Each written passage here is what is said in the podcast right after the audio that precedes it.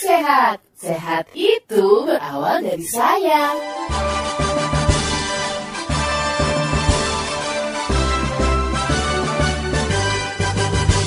Baik sahabat edukasi dari Graha Media Pusdatin, kembali lagi di acara Publik Sehat ya untuk edisi hari ini.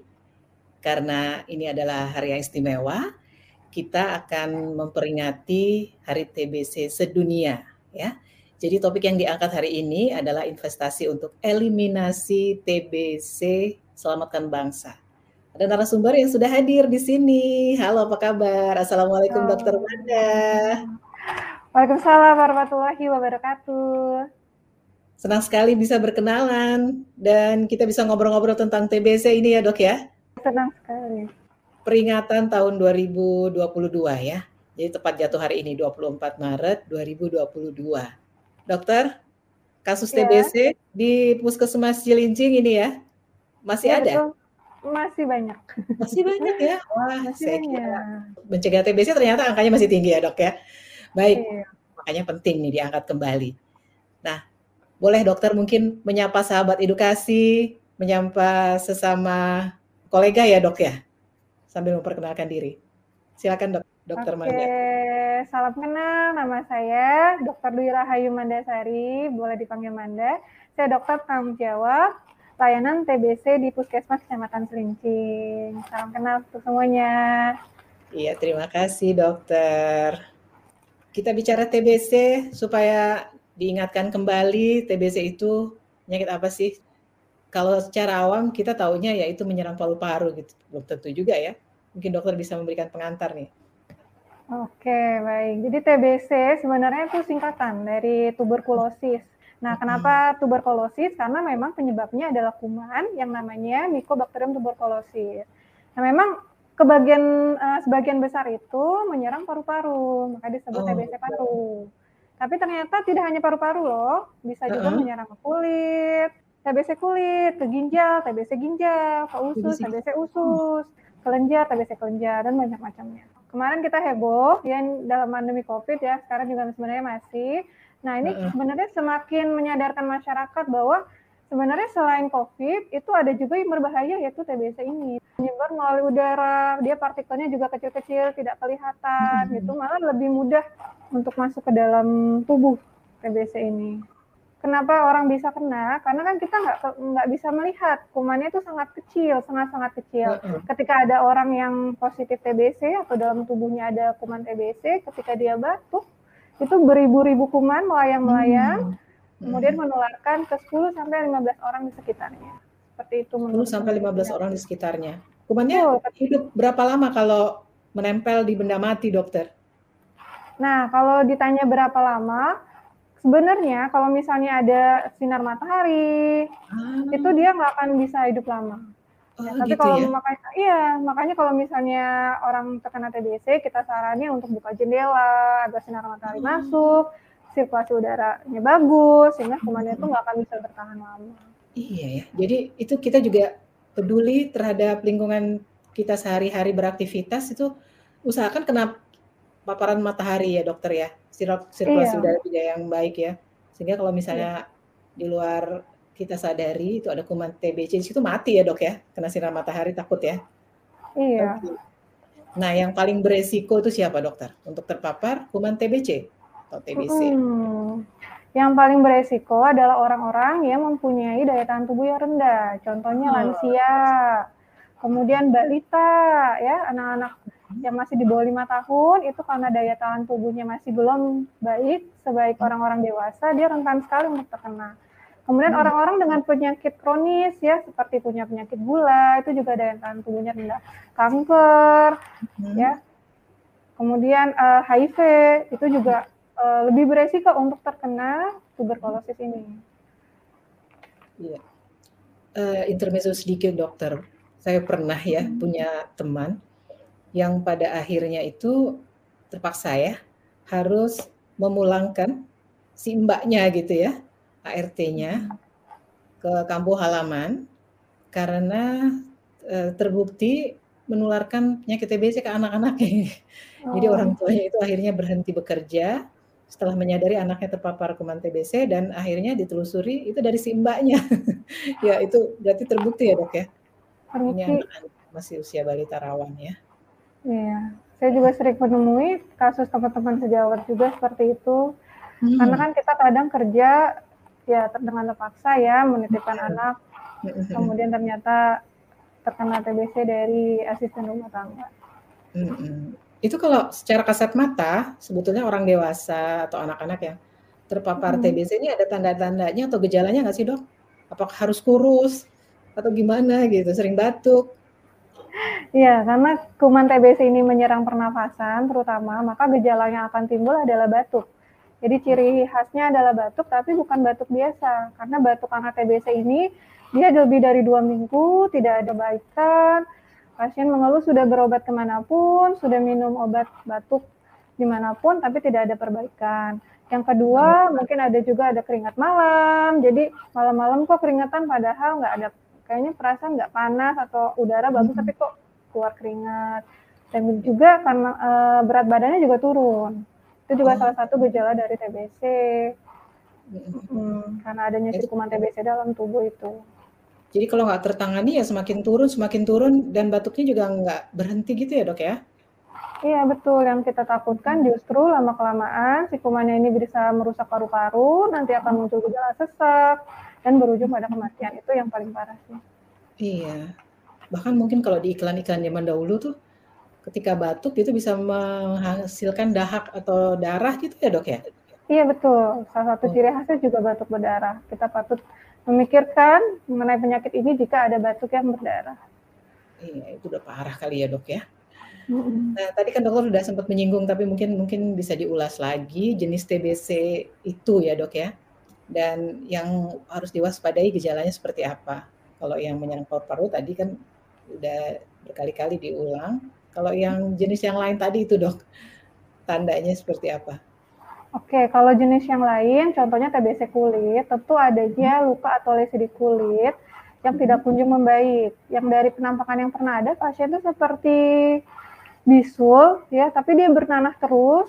Nah, itu juga patut dicurigai, dilengkapi dengan gejala gejala sistemik atau gejala pada badannya, misalnya berat badannya juga turun, ya nafsu makannya juga kurang, kemudian sering demam lebih dari dua minggu demamnya tuh nggak tinggi tapi demamnya itu sumeng-sumeng gitu kan tapi nggak ada hmm. perbaikan nah itu juga patut dicurigai uh, eh, TBC TBC kulit jadi selain ada gejala di sistem sistemik atau sistem tubuh secara utuh ada juga di tempat lokalnya misalnya kalau tadi kulit ya berarti ada gejala di kulitnya seperti tadi ada seperti bisul kemudian kalau TBC usus seperti apa berarti ada gejala di saluran cerna selain ada gejala sistemik yang tadi demam, penurunan berat badan, kemudian dia ada keluhan pencernaan, nah itu juga bisa dicurigai ke arah TBC kulit. Hmm. Itu kelenjar, hmm. lanjut dok. Kelenjar juga, misalnya ada biasanya pasien selain TBC paru, yang kedua itu paling sering TBC kelenjar, jadi ada benjolan di leher, hmm. disertai hmm. berat badan turun, kalau sering demam itu juga bisa dicurigai TBC kelenjar.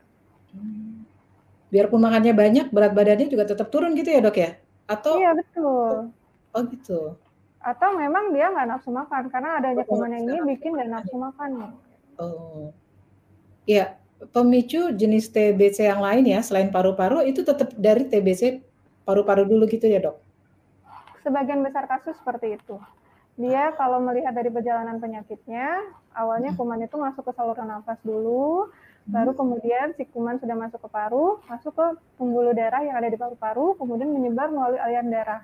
Nah, kalau aliran darah kan bisa menyebar ke mana-mana ya, termasuk ke aliran darah di ginjal, di saluran cerna usus, atau mana-mana pun. Jadi ketika si kuman ini dia menetap di satu tempat, nah berarti dia menimbulkan gejala di tempat tersebut. Kalau dia menetapnya di usus, ya mungkin akan menimbulkan gejala TBC usus. Dia menetap di ginjal, bahkan ada juga di rahim, TBC rahim. Berarti Aduh. dia TBC rahim. Aduh, ke mana-mana ya dia ya dok ya? Iya, bisa ke mana-mana dia jalan-jalan. Iya, yang dia pertama berarti ini saluran napasnya dulu nih. Iya. Nah, sekarang kalau sudah terpapar, ini pengobatannya seperti apa supaya sembuh ya dokter ya? Jangan khawatir, TBC ini, TBC ini bisa sembuh ya. Kadang kan Hmm. orang takut, aduh terkena TBC bagaimana Hidup hidup gitu ya bayangannya ya. Iya, bayangannya apalagi kalau udah keluar batuk darah gitu. Pengalaman pasien kalau udah batuk berdarah tuh, aduh saya udah mau mati nih dok, Terminal gitu. Iya, tapi Hmm. tenang aja. Insya Allah sejauh ini TBC itu bisa disembuhkan dengan pengobatan minimal 6 bulan. Enam bulan ya, rutin ya dok ya. Hmm, Rutin. Hmm. Asal mengikuti rutin, rajin minum obat, insya Allah bisa sembuh. Iya. Yang berbahaya kalau minumnya nggak rutin. Kalau minumnya nggak rutin, min- hari ini minum, besok nggak minum, nah itu ya nggak bisa sembuh atau bahkan bisa perpanjang atau bahkan bisa muncul yang namanya TB resisten itu yang lebih parah lagi. Jadi Nggak makan lagi gitu ya dok. TB resisten itu kumannya udah kebal Hmm. karena istilahnya eh, dia dikasih obat yang dosisnya udah sesuai tapi dia nggak Hmm. minum jadi kumannya tuh nggak Hmm. bener-bener habis dalam badannya yang ada kumannya Oh. jadi makin kuat karena sudah kenal sama senjata obat itu ah saya mah sudah kenal obat ini udah nggak mempan Hmm. lagi buat dia dan dia harus ganti Iya. obat lain yang jenisnya lebih tinggi atau jumlahnya lebih banyak Iya. Misalnya jadwal minum obatnya itu jam 7 pagi. Ya biasanya Hmm. sehari berapa kali dokter untuk pengobatan sehari ini? hanya satu kali Oh satu kali ya. hanya satu Itu- kali minum obat Tertib. Kalau diputuskan 7 pagi, seterusnya selama 6 bulan jam 7 pagi. diusahakan jamnya sama karena eh, berhubungan dengan efektivitas obat di dalam tubuhnya 24 jam. Jadi kalau Hmm. misalnya biasa minum jam 7, diusahakan besok juga jam, jam 7, lusa Kurang juga lebih jam ya, Dok? 7, kurang lebih. Tapi kami juga memperhatikan kenyamanan pasien ya, apalagi kalau misalnya pasien nanya, dok kan besok puasa, misalnya nih Nah, dia. puasa kan ya, saya biasa minum jam 7, jadi gimana saya puasanya? Nah, kembali lagi ke kenyamanan pasiennya. Boleh kok Bu, setelah sahur diminum dulu obatnya, nanti selama bulan Oh. puasa setelah sahur. Gitu. Oh, jadi tetap ada toleransi ya, geser jamnya ya dok ya?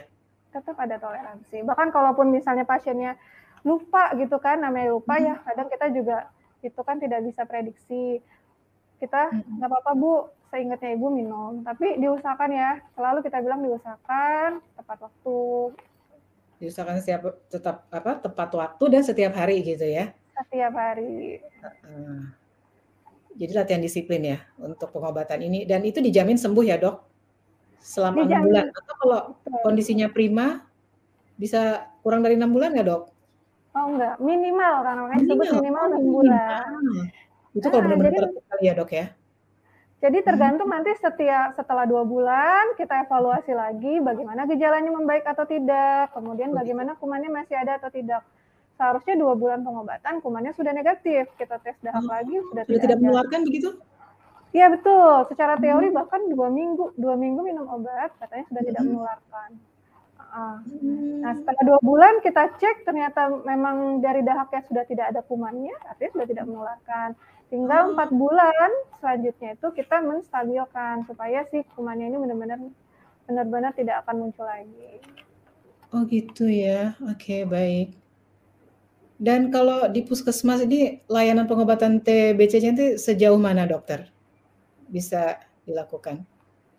Untuk di puskesmas itu kita eh, semuanya bisa semuanya gratis ya. Jadi kalau misalnya ada pasien datang dengan kadang kan pasien datang kan dia nggak tahu TBC atau enggak dengan keluhan batuk, kemudian Mhm. kita periksa dahaknya ternyata positif, kita full kita obatin sampai sembuh bisa di puskesmas. Itu gratis tanpa Hmm. biaya apa pun. Kalau dulu misalnya, hmm? Kalau misalnya ada komplikasi yang lain, kadang kan pasien selain ada TBC, ada batuk, mungkin dia ada gejala diabetes atau kencing Hmm. manis atau penyakit yang lain. Kalau misalnya tidak bisa kita tangani, kita rujuk ke rumah sakit seperti itu. Tapi Hmm. sejauh masih bisa kita tanganin, kita tanganin. Bahkan kita meminta eh, mendekatkan ke rumah pasien. Jadi kan kadang Pak Bapak tinggalnya di mana gitu, biar bapaknya lebih nyaman lagi untuk ambil obatnya. Semakin dekat pasien kan semakin nyaman. Kita nggak mau menyulitkan pasien. Oh Hmm. dok, saya jauh ke puskesmas ini, jadinya saya nggak datang-datang. Nah itu kan kita tidak ingin. Kita inginnya pasien bisa benar-benar minum obat sampai sembuh sampai enam bulan. Jadi kita tanya, bapak tinggal di mana? Oh bapak bisa lebih dekat ke puskesmas ini loh pak. Nanti kita rujuk ke sana. Gitu. Pokoknya kita berusaha memudahkan pasien. gitu ya dokter ya. Ya kembali ke kasus tadi nih dokter. Hmm. Kalau sudah terdeteksi ada anggota keluarga ya yang kena TBC. Ini siapa aja nih harus diamankan ya, yang harus diperiksa potensial ketularan. Tentunya yang tinggal serumah, karena tinggal serumah itu hmm. termasuk kriteria kontak erat. Jadi yang hmm. tinggal serumah dengan pasien, bagusnya kita periksa semua. Kita pastikan hmm. apakah ada gejala batuk, apakah ada gejala-gejala lain TBC pada anggota keluarga yang lain. Kita periksakan semua, terutama untuk yang di bawah lima tahun, karena tadi saya bilang masih rentan ya untuk terkena TBC. Jadi semuanya. Kalau nggak ada gejala, tetap diperiksa ya dok ya? Kalau tidak ada gejala, tetap diperiksa bagusnya. Tetap diperiksa oh. darah. Khususnya setiap hari kontak langsung ya dok ya? Iya betul. Karena ada yang namanya infeksi laten. Jadi memang di dalam tubuhnya sudah ada kuman TBC, tetapi dia uh-huh. tidak bergejala. Sama kayak OTG COVID gitu ya. Uh, COVID tapi tanpa gejala. Itu nah kalau di TBC itu namanya infeksi laten TB. Nah, kalau dia sudah diketahui dia ada infeksi laten, ketahuan dari mana? Ketahuan dari tes mantuk. Di tes mantuk itu tes darah, kita suntikkan. Mm-hmm. Uh, nanti kalau misalnya memang ada kuman TBC, dia menimbulkan reaksi. Nah, kalau misalnya dari ya kalau disuntik di bagian lengan ya? Iya, betul. Disuntik di bagian lengan ya. Kemudian eh, uh, 72 jam kita cek kalau memang ada kuman TBC dia akan menimbulkan indurasi. Jadi kayak uh, agak-agak bengkak merah gitu. Nah, itu berarti menunjukkan bahwa kita ukur kalau lebih dari satu cm itu positif, bahwa di dalam hmm. tubuh itu sudah ada kuman. Hmm. Tapi kan kata pasien, tapi nggak ada gejalanya, iya betul, tapi tidak bergejala, itu sebutnya infeksi laten. Bisa bisa muncul gitu ya tiba mungkin pas daya tahan tubuh turun gitu ya dok? Bisa aktif ya? Iya ya, betul. Hmm, Jadi kumannya itu seperti tidur di dalam hmm. badan. Hmm. Ketika daya tahan tubuh orang tersebut turun, mungkin dia kecapean, lagi banyak aktivitas segala macam, hmm. makannya nggak nggak teratur, bisa hmm. aktif si kuman yang tidur ini bangkit sehingga akhirnya bisa menimbulkan sakit TBC dan muncul lagi gejala TBC. Iya ya, yang khas tadi yang keringat keluar malam hari walaupun nggak nggak lagi panas ya udaranya ya dok ya. Iya. Yang berikutnya dok, uh, untuk pencegahan kontak serumah dengan pasien TB ini ada obatnya nggak? Nah, ada. Kebetulan Kemenkes juga ada program yang namanya terapi pencegahan tuberkulosis atau disingkatnya TPT. Jadi hmm. ada obat untuk pencegahan, diminumnya sama 6 tergantung jenisnya. Ya, ada yang enam bulan, ada yang tiga bulan, Nah, ini fungsinya tadi, jangan sampai kuman yang sudah tidur di dalam badan itu sewaktu-waktu bisa bangkit dan menimbulkan sakit. Jadi mencegah jangan sampai jadi sakit TBC, istilahnya seperti itu. Oh, itu obat buat preventif ya dok ya. Diminumnya berapa lama dokter? Ada tergantung jenis obatnya. Karena kita hmm. melihat dari ada obat-obat tertentu yang tidak bisa digunakan pada usia tertentu. Jadi hmm. ada yang paling lama 6 bulan, ada juga yang hanya tiga bulan. Yang terbaru itu 3 HP itu hanya tiga bulan minumnya seminggu hanya sekali. Hmm. Jadi kalau dalam sebulan hanya empat kali minum karena hanya empat minggu. Jadi hmm. tiga bulan hanya 12 kali minum. Hmm. Jadi ada satu anggota keluarga yang terpapar, yang lain ikut minum obat gitu ya, sesuai dosisnya. Iya. Gitu ya. Ini obat pencegahan gitu ya dok? Obat pencegahan. Terus dukungan apa nih yang sebaiknya ya direkomendasikan yang bisa keluarga berikan jika di antara keluarga ada yang kena TBC. Bukan langsung diasingkan juga ya dok ya? Nah iya betul, karena namanya juga orang sakit tentu butuh dukungan ya, jangan sampai yeah. malah dijauhkan. Karena memang ada beberapa kasus juga kasihan, justru karena keluarganya tahu dia TBC, akhirnya dia diasingkan bahkan dibuang gitu ya. Nah padahal kalau dalam pengobatan TBC ini kan yakin sembuh, kemudian penularannya juga bisa dicegah, jadi tidak perlu khawatir.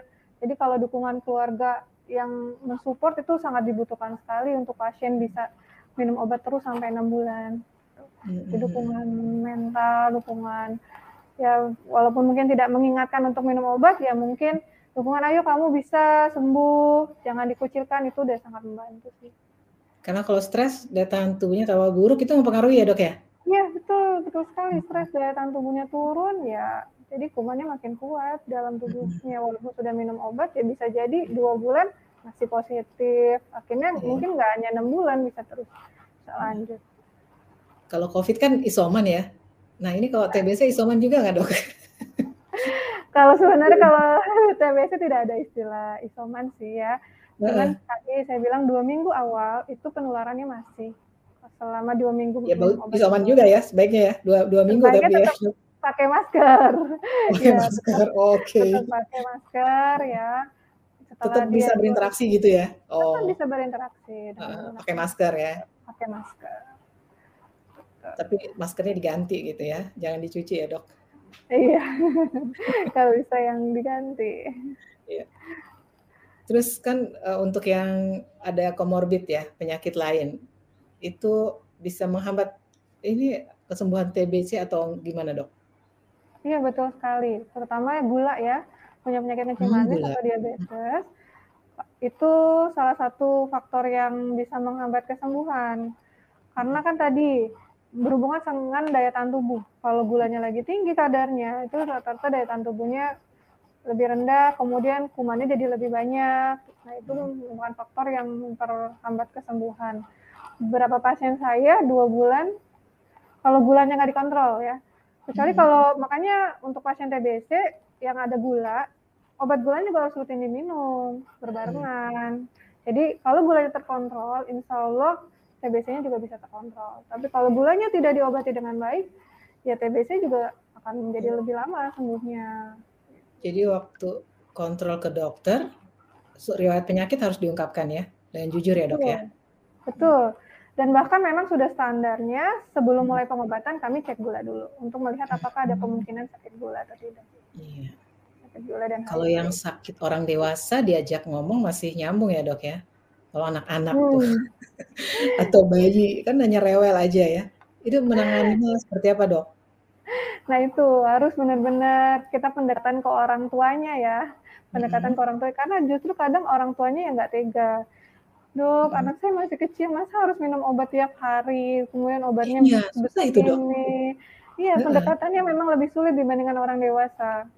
Ya, Heeh. tapi kita jelaskan lagi mengenai yang kemungkinan-kemungkinan kalau anaknya tidak minum obat. Ibu mau nanti anaknya seperti ini, seperti ini, berdasarkan pengalaman pasien-pasien yang terdahulu yang tidak minum obat, keadaannya seperti ini. Padahal kan ini anak harapan ya buat ke depannya pasti setiap orang tua ingin anaknya nanti cita-citanya besar jadi orang yang berguna, jadi orang yang besar gitu. Jangan sampai gara-gara ada sakit ini jadi menghambat. Itu memang pendekatannya harus lebih, edukasinya harus lebih kalau untuk Iya. pasien-pasien anak ke orang tuanya. Memang obat TBC untuk bayi dan balita ini bentuknya seperti apa, Dok? Sebenarnya sirup? Nah, sebenarnya kalau dari paketan pemerintah itu sama, dia bentuknya tablet. Hmm, gitu. Jadi kan jadi agak PR juga buat orang tua di rumah untuk memberikan kepada anak. Kalau untuk pada bayi itu kita bisa sarankan untuk dipuyar, tapi dipuyarnya itu sebelum benar-benar sebelum dia waktunya minum obat. Kadang kita takutnya kalau sudah disiapkan dari beberapa hari eh, Oh, kualitasnya stres ya, Dok? ya takutnya kualitasnya. Jadi kadang kita edukasi ke orang tua Mendadak gitu ya? Kalau bisa eh, dipuyarnya Membuat sebelum puyarnya. dia minum obat. Hmm. Iya, itu kalau banyak yang tersembur berarti kan dosisnya kurang ya, Dok? Iya betul, kadang memang orang tuh bagaimana dok, ini anak saya habis diminum disembur lagi. Harus Gitu. diurang dari awal, tapi kan kita nggak bisa mengukur ya, Dok. Itu gimana dong, Dok, kiatnya? Kiatnya paling, Bu, coba Ibu perhatikan kira-kira jumlah yang disembur itu banyak atau tidak. Kalau Hmm. misalnya banyak ya terpaksa harus diulang. Tapi kalau ibunya yakin sebagian besar sudah masuk ya udah tidak perlu diulang. Oh gitu ya, ada plus minusnya ya, walaupun nggak akurat Iya. sekali ya, Dok, ya. Iya sih. Kalau yang lupa minum double, dokter, tadi kan yang mungkin tadi udah minum, minum lagi, ada efeknya nggak? Sebenarnya sih eh, secara efek langsung mungkin tidak ada ya. Mhm. Tapi mungkin lebih karena dosisnya jadi lebih double, mungkin efek samping kalau ada orang yang efek sampingnya mual mungkin pasti mualnya jadi lebih dua kali lipat gitu. Oh, kena levernya soalnya ya, jadi berat ya. Karena kan Hmm, hampir tapi semua obat. TBC itu ke lever ya. Iya. Baik dokter, jadi kembali lagi untuk peringatan Hari TBC sedunia untuk tahun 2022 ya, yang jatuh 24 Maret hari ini. Ini kalau tema globalnya apa dan akhirnya nih closing statement dari dokter sebagai pesan ya masyarakat nih biar sadar lagi loh, COVID iya nih rame terus masih. Tapi jangan lupa nih, ada penyakit lain yang harus diwaspadai juga yang penularannya itu mungkin malah lebih masif ya lewat udara. Gimana dok? Iya betul, sesuai dengan tema Hari TB untuk tahun 2022 ini kan adalah investasi ya, investasi, investasi untuk eliminasi TBC itu selamatkan bangsa. Jadi dari sekarang, dari sekarang kita yuk sama-sama kalau misalnya ada orang di sekitar kita yang batuk-batuk, nggak sembuh-sembuh, yuk segera periksa. Karena semakin diobati semakin cepat, itu outcome-nya akan semakin bagus untuk ke depannya. Dan tentunya memutus rantai penularan. Jadi kalau misalnya semakin cepat diobati kan dia nggak nularin ke orang lain. Makanya hmm. disebutnya investasi nih, investasi untuk eliminasi TB, selamatkan bangsa. Gitu. Jadi oh, yuk. Pengertian investasi itu tindakan segera gitu ya? Iya, kita bertindak ya? semampu kita. Hmm. kita ya bagi masyarakat yang di yang di rumah-rumah. Ya mungkin kalau misalnya ada anggota keluarga yang batuk yuk periksa yuk gitu. Ya eh, sekecil apa pun peran kita itu udah investasi untuk itu selamatkan dia, investasi bangsa. yang dimaksud ya. Investasi. Kalau ke pola hidupnya dokter? Kalau ke pola hidup tentunya menjaga kebersihan pola hidup bersih dan sehat ya kalau bisa di rumah jendela juga dibuka. Walaupun memang tidak ada yang sakit TBC tapi matahari yang masuk ke dalam rumah dan sirkulasi yang baik itu juga mencegah dari penyakit-penyakit yang lain. Juga bagus untuk kesehatan tubuh kita. Kemudian jauhi rokok. Karena kalau dari asap rokok memang dia tidak langsung menyebabkan TBC tapi dia juga berperan. Jadi pasien-pasien yang merokok itu akan ya? memper, memperburuk betul. Hmm. memperburuk karena rokok menurunkan daya tahan tubuh juga. Hmm. ya. terus untuk anak-anak ya bayi-bayi di vaksin BCG ya itu juga untuk mencegah jadinya TBC di masa depan. Oh, harus tuntas ya dok. Iya. Tadi dokter sempat bilang kalau ada ruangan yang nggak kena paparan sinar matahari itu potensial ada kuman TBC berarti di situ ya, yang gelap-gelap ya dok? Iya, karena kan sebenarnya TBC udah endemis ya, apalagi uh, untuk wilayah kalau lingkungan yang maaf kumuh gitu kan, ya pasti kalau misalnya ya, lembab itu senang sekali kuman di situ. Jadi kalau nggak kena sinar harus langsung uh, me, ini ya scanning ya dok ya. Wah ini TBC banyak nih gelap lembab gitu ya. lampu pun nggak bisa membunuh ya dok ya. Sinar Sejauh lampu ini yang terang pun tidak ya. Harus matahari ya. Paling bagus matahari dan sinar UV ya dari matahari. Ayo dicek rumahnya yang bagian-bagian sudut-sudut yang jarang kena matahari. Baik, Alhamdulillah, terima kasih dokter atas edukasi tentang TB di ya, hari ya, TB sedunia ini. Mengingatkan kita kembali, ayo, ayo, eh, jangan lengah ya dokter ya. Karena ini eh, kalau dibiarkan, ya kualitas SDM kita juga pasti menurun ya dok ya. Setuju. dan anak-anak kita kasihan ya, kalau sejak dini tidak terproteksi dari kuman TBC. Terima kasih kami ucapkan sekali lagi kepada Dr. Dwi Rahayu Mandasari, populer dipanggil Dr. Manda ya, kalau yang mau berobat ke Puskesmas Cilincing. Sehat-sehat dokternya, sehat-sehat pasiennya, cepat sembuh yang sakit. Mudah-mudahan ini kesadaran kita um, mencegah penyakit ini semakin tinggi ya dokter ya. Dari kami yang bertugas mohon pamit, kru dengan produser Mira Maulia dibantu oleh kakak Axel dan kakak Ari. Mohon maaf bila banyak kekurangan. Sampai jumpa di rubrik sehat berikutnya ya dokter ya. Dan juga dokter lainnya di Puskesmas Cilincing. Saya pamit. Okay. Sampai jumpa. Assalamualaikum Sampai warahmatullahi jumpa. wabarakatuh. Waalaikumsalam warahmatullahi wabarakatuh. Terima kasih. Sama-sama dokter.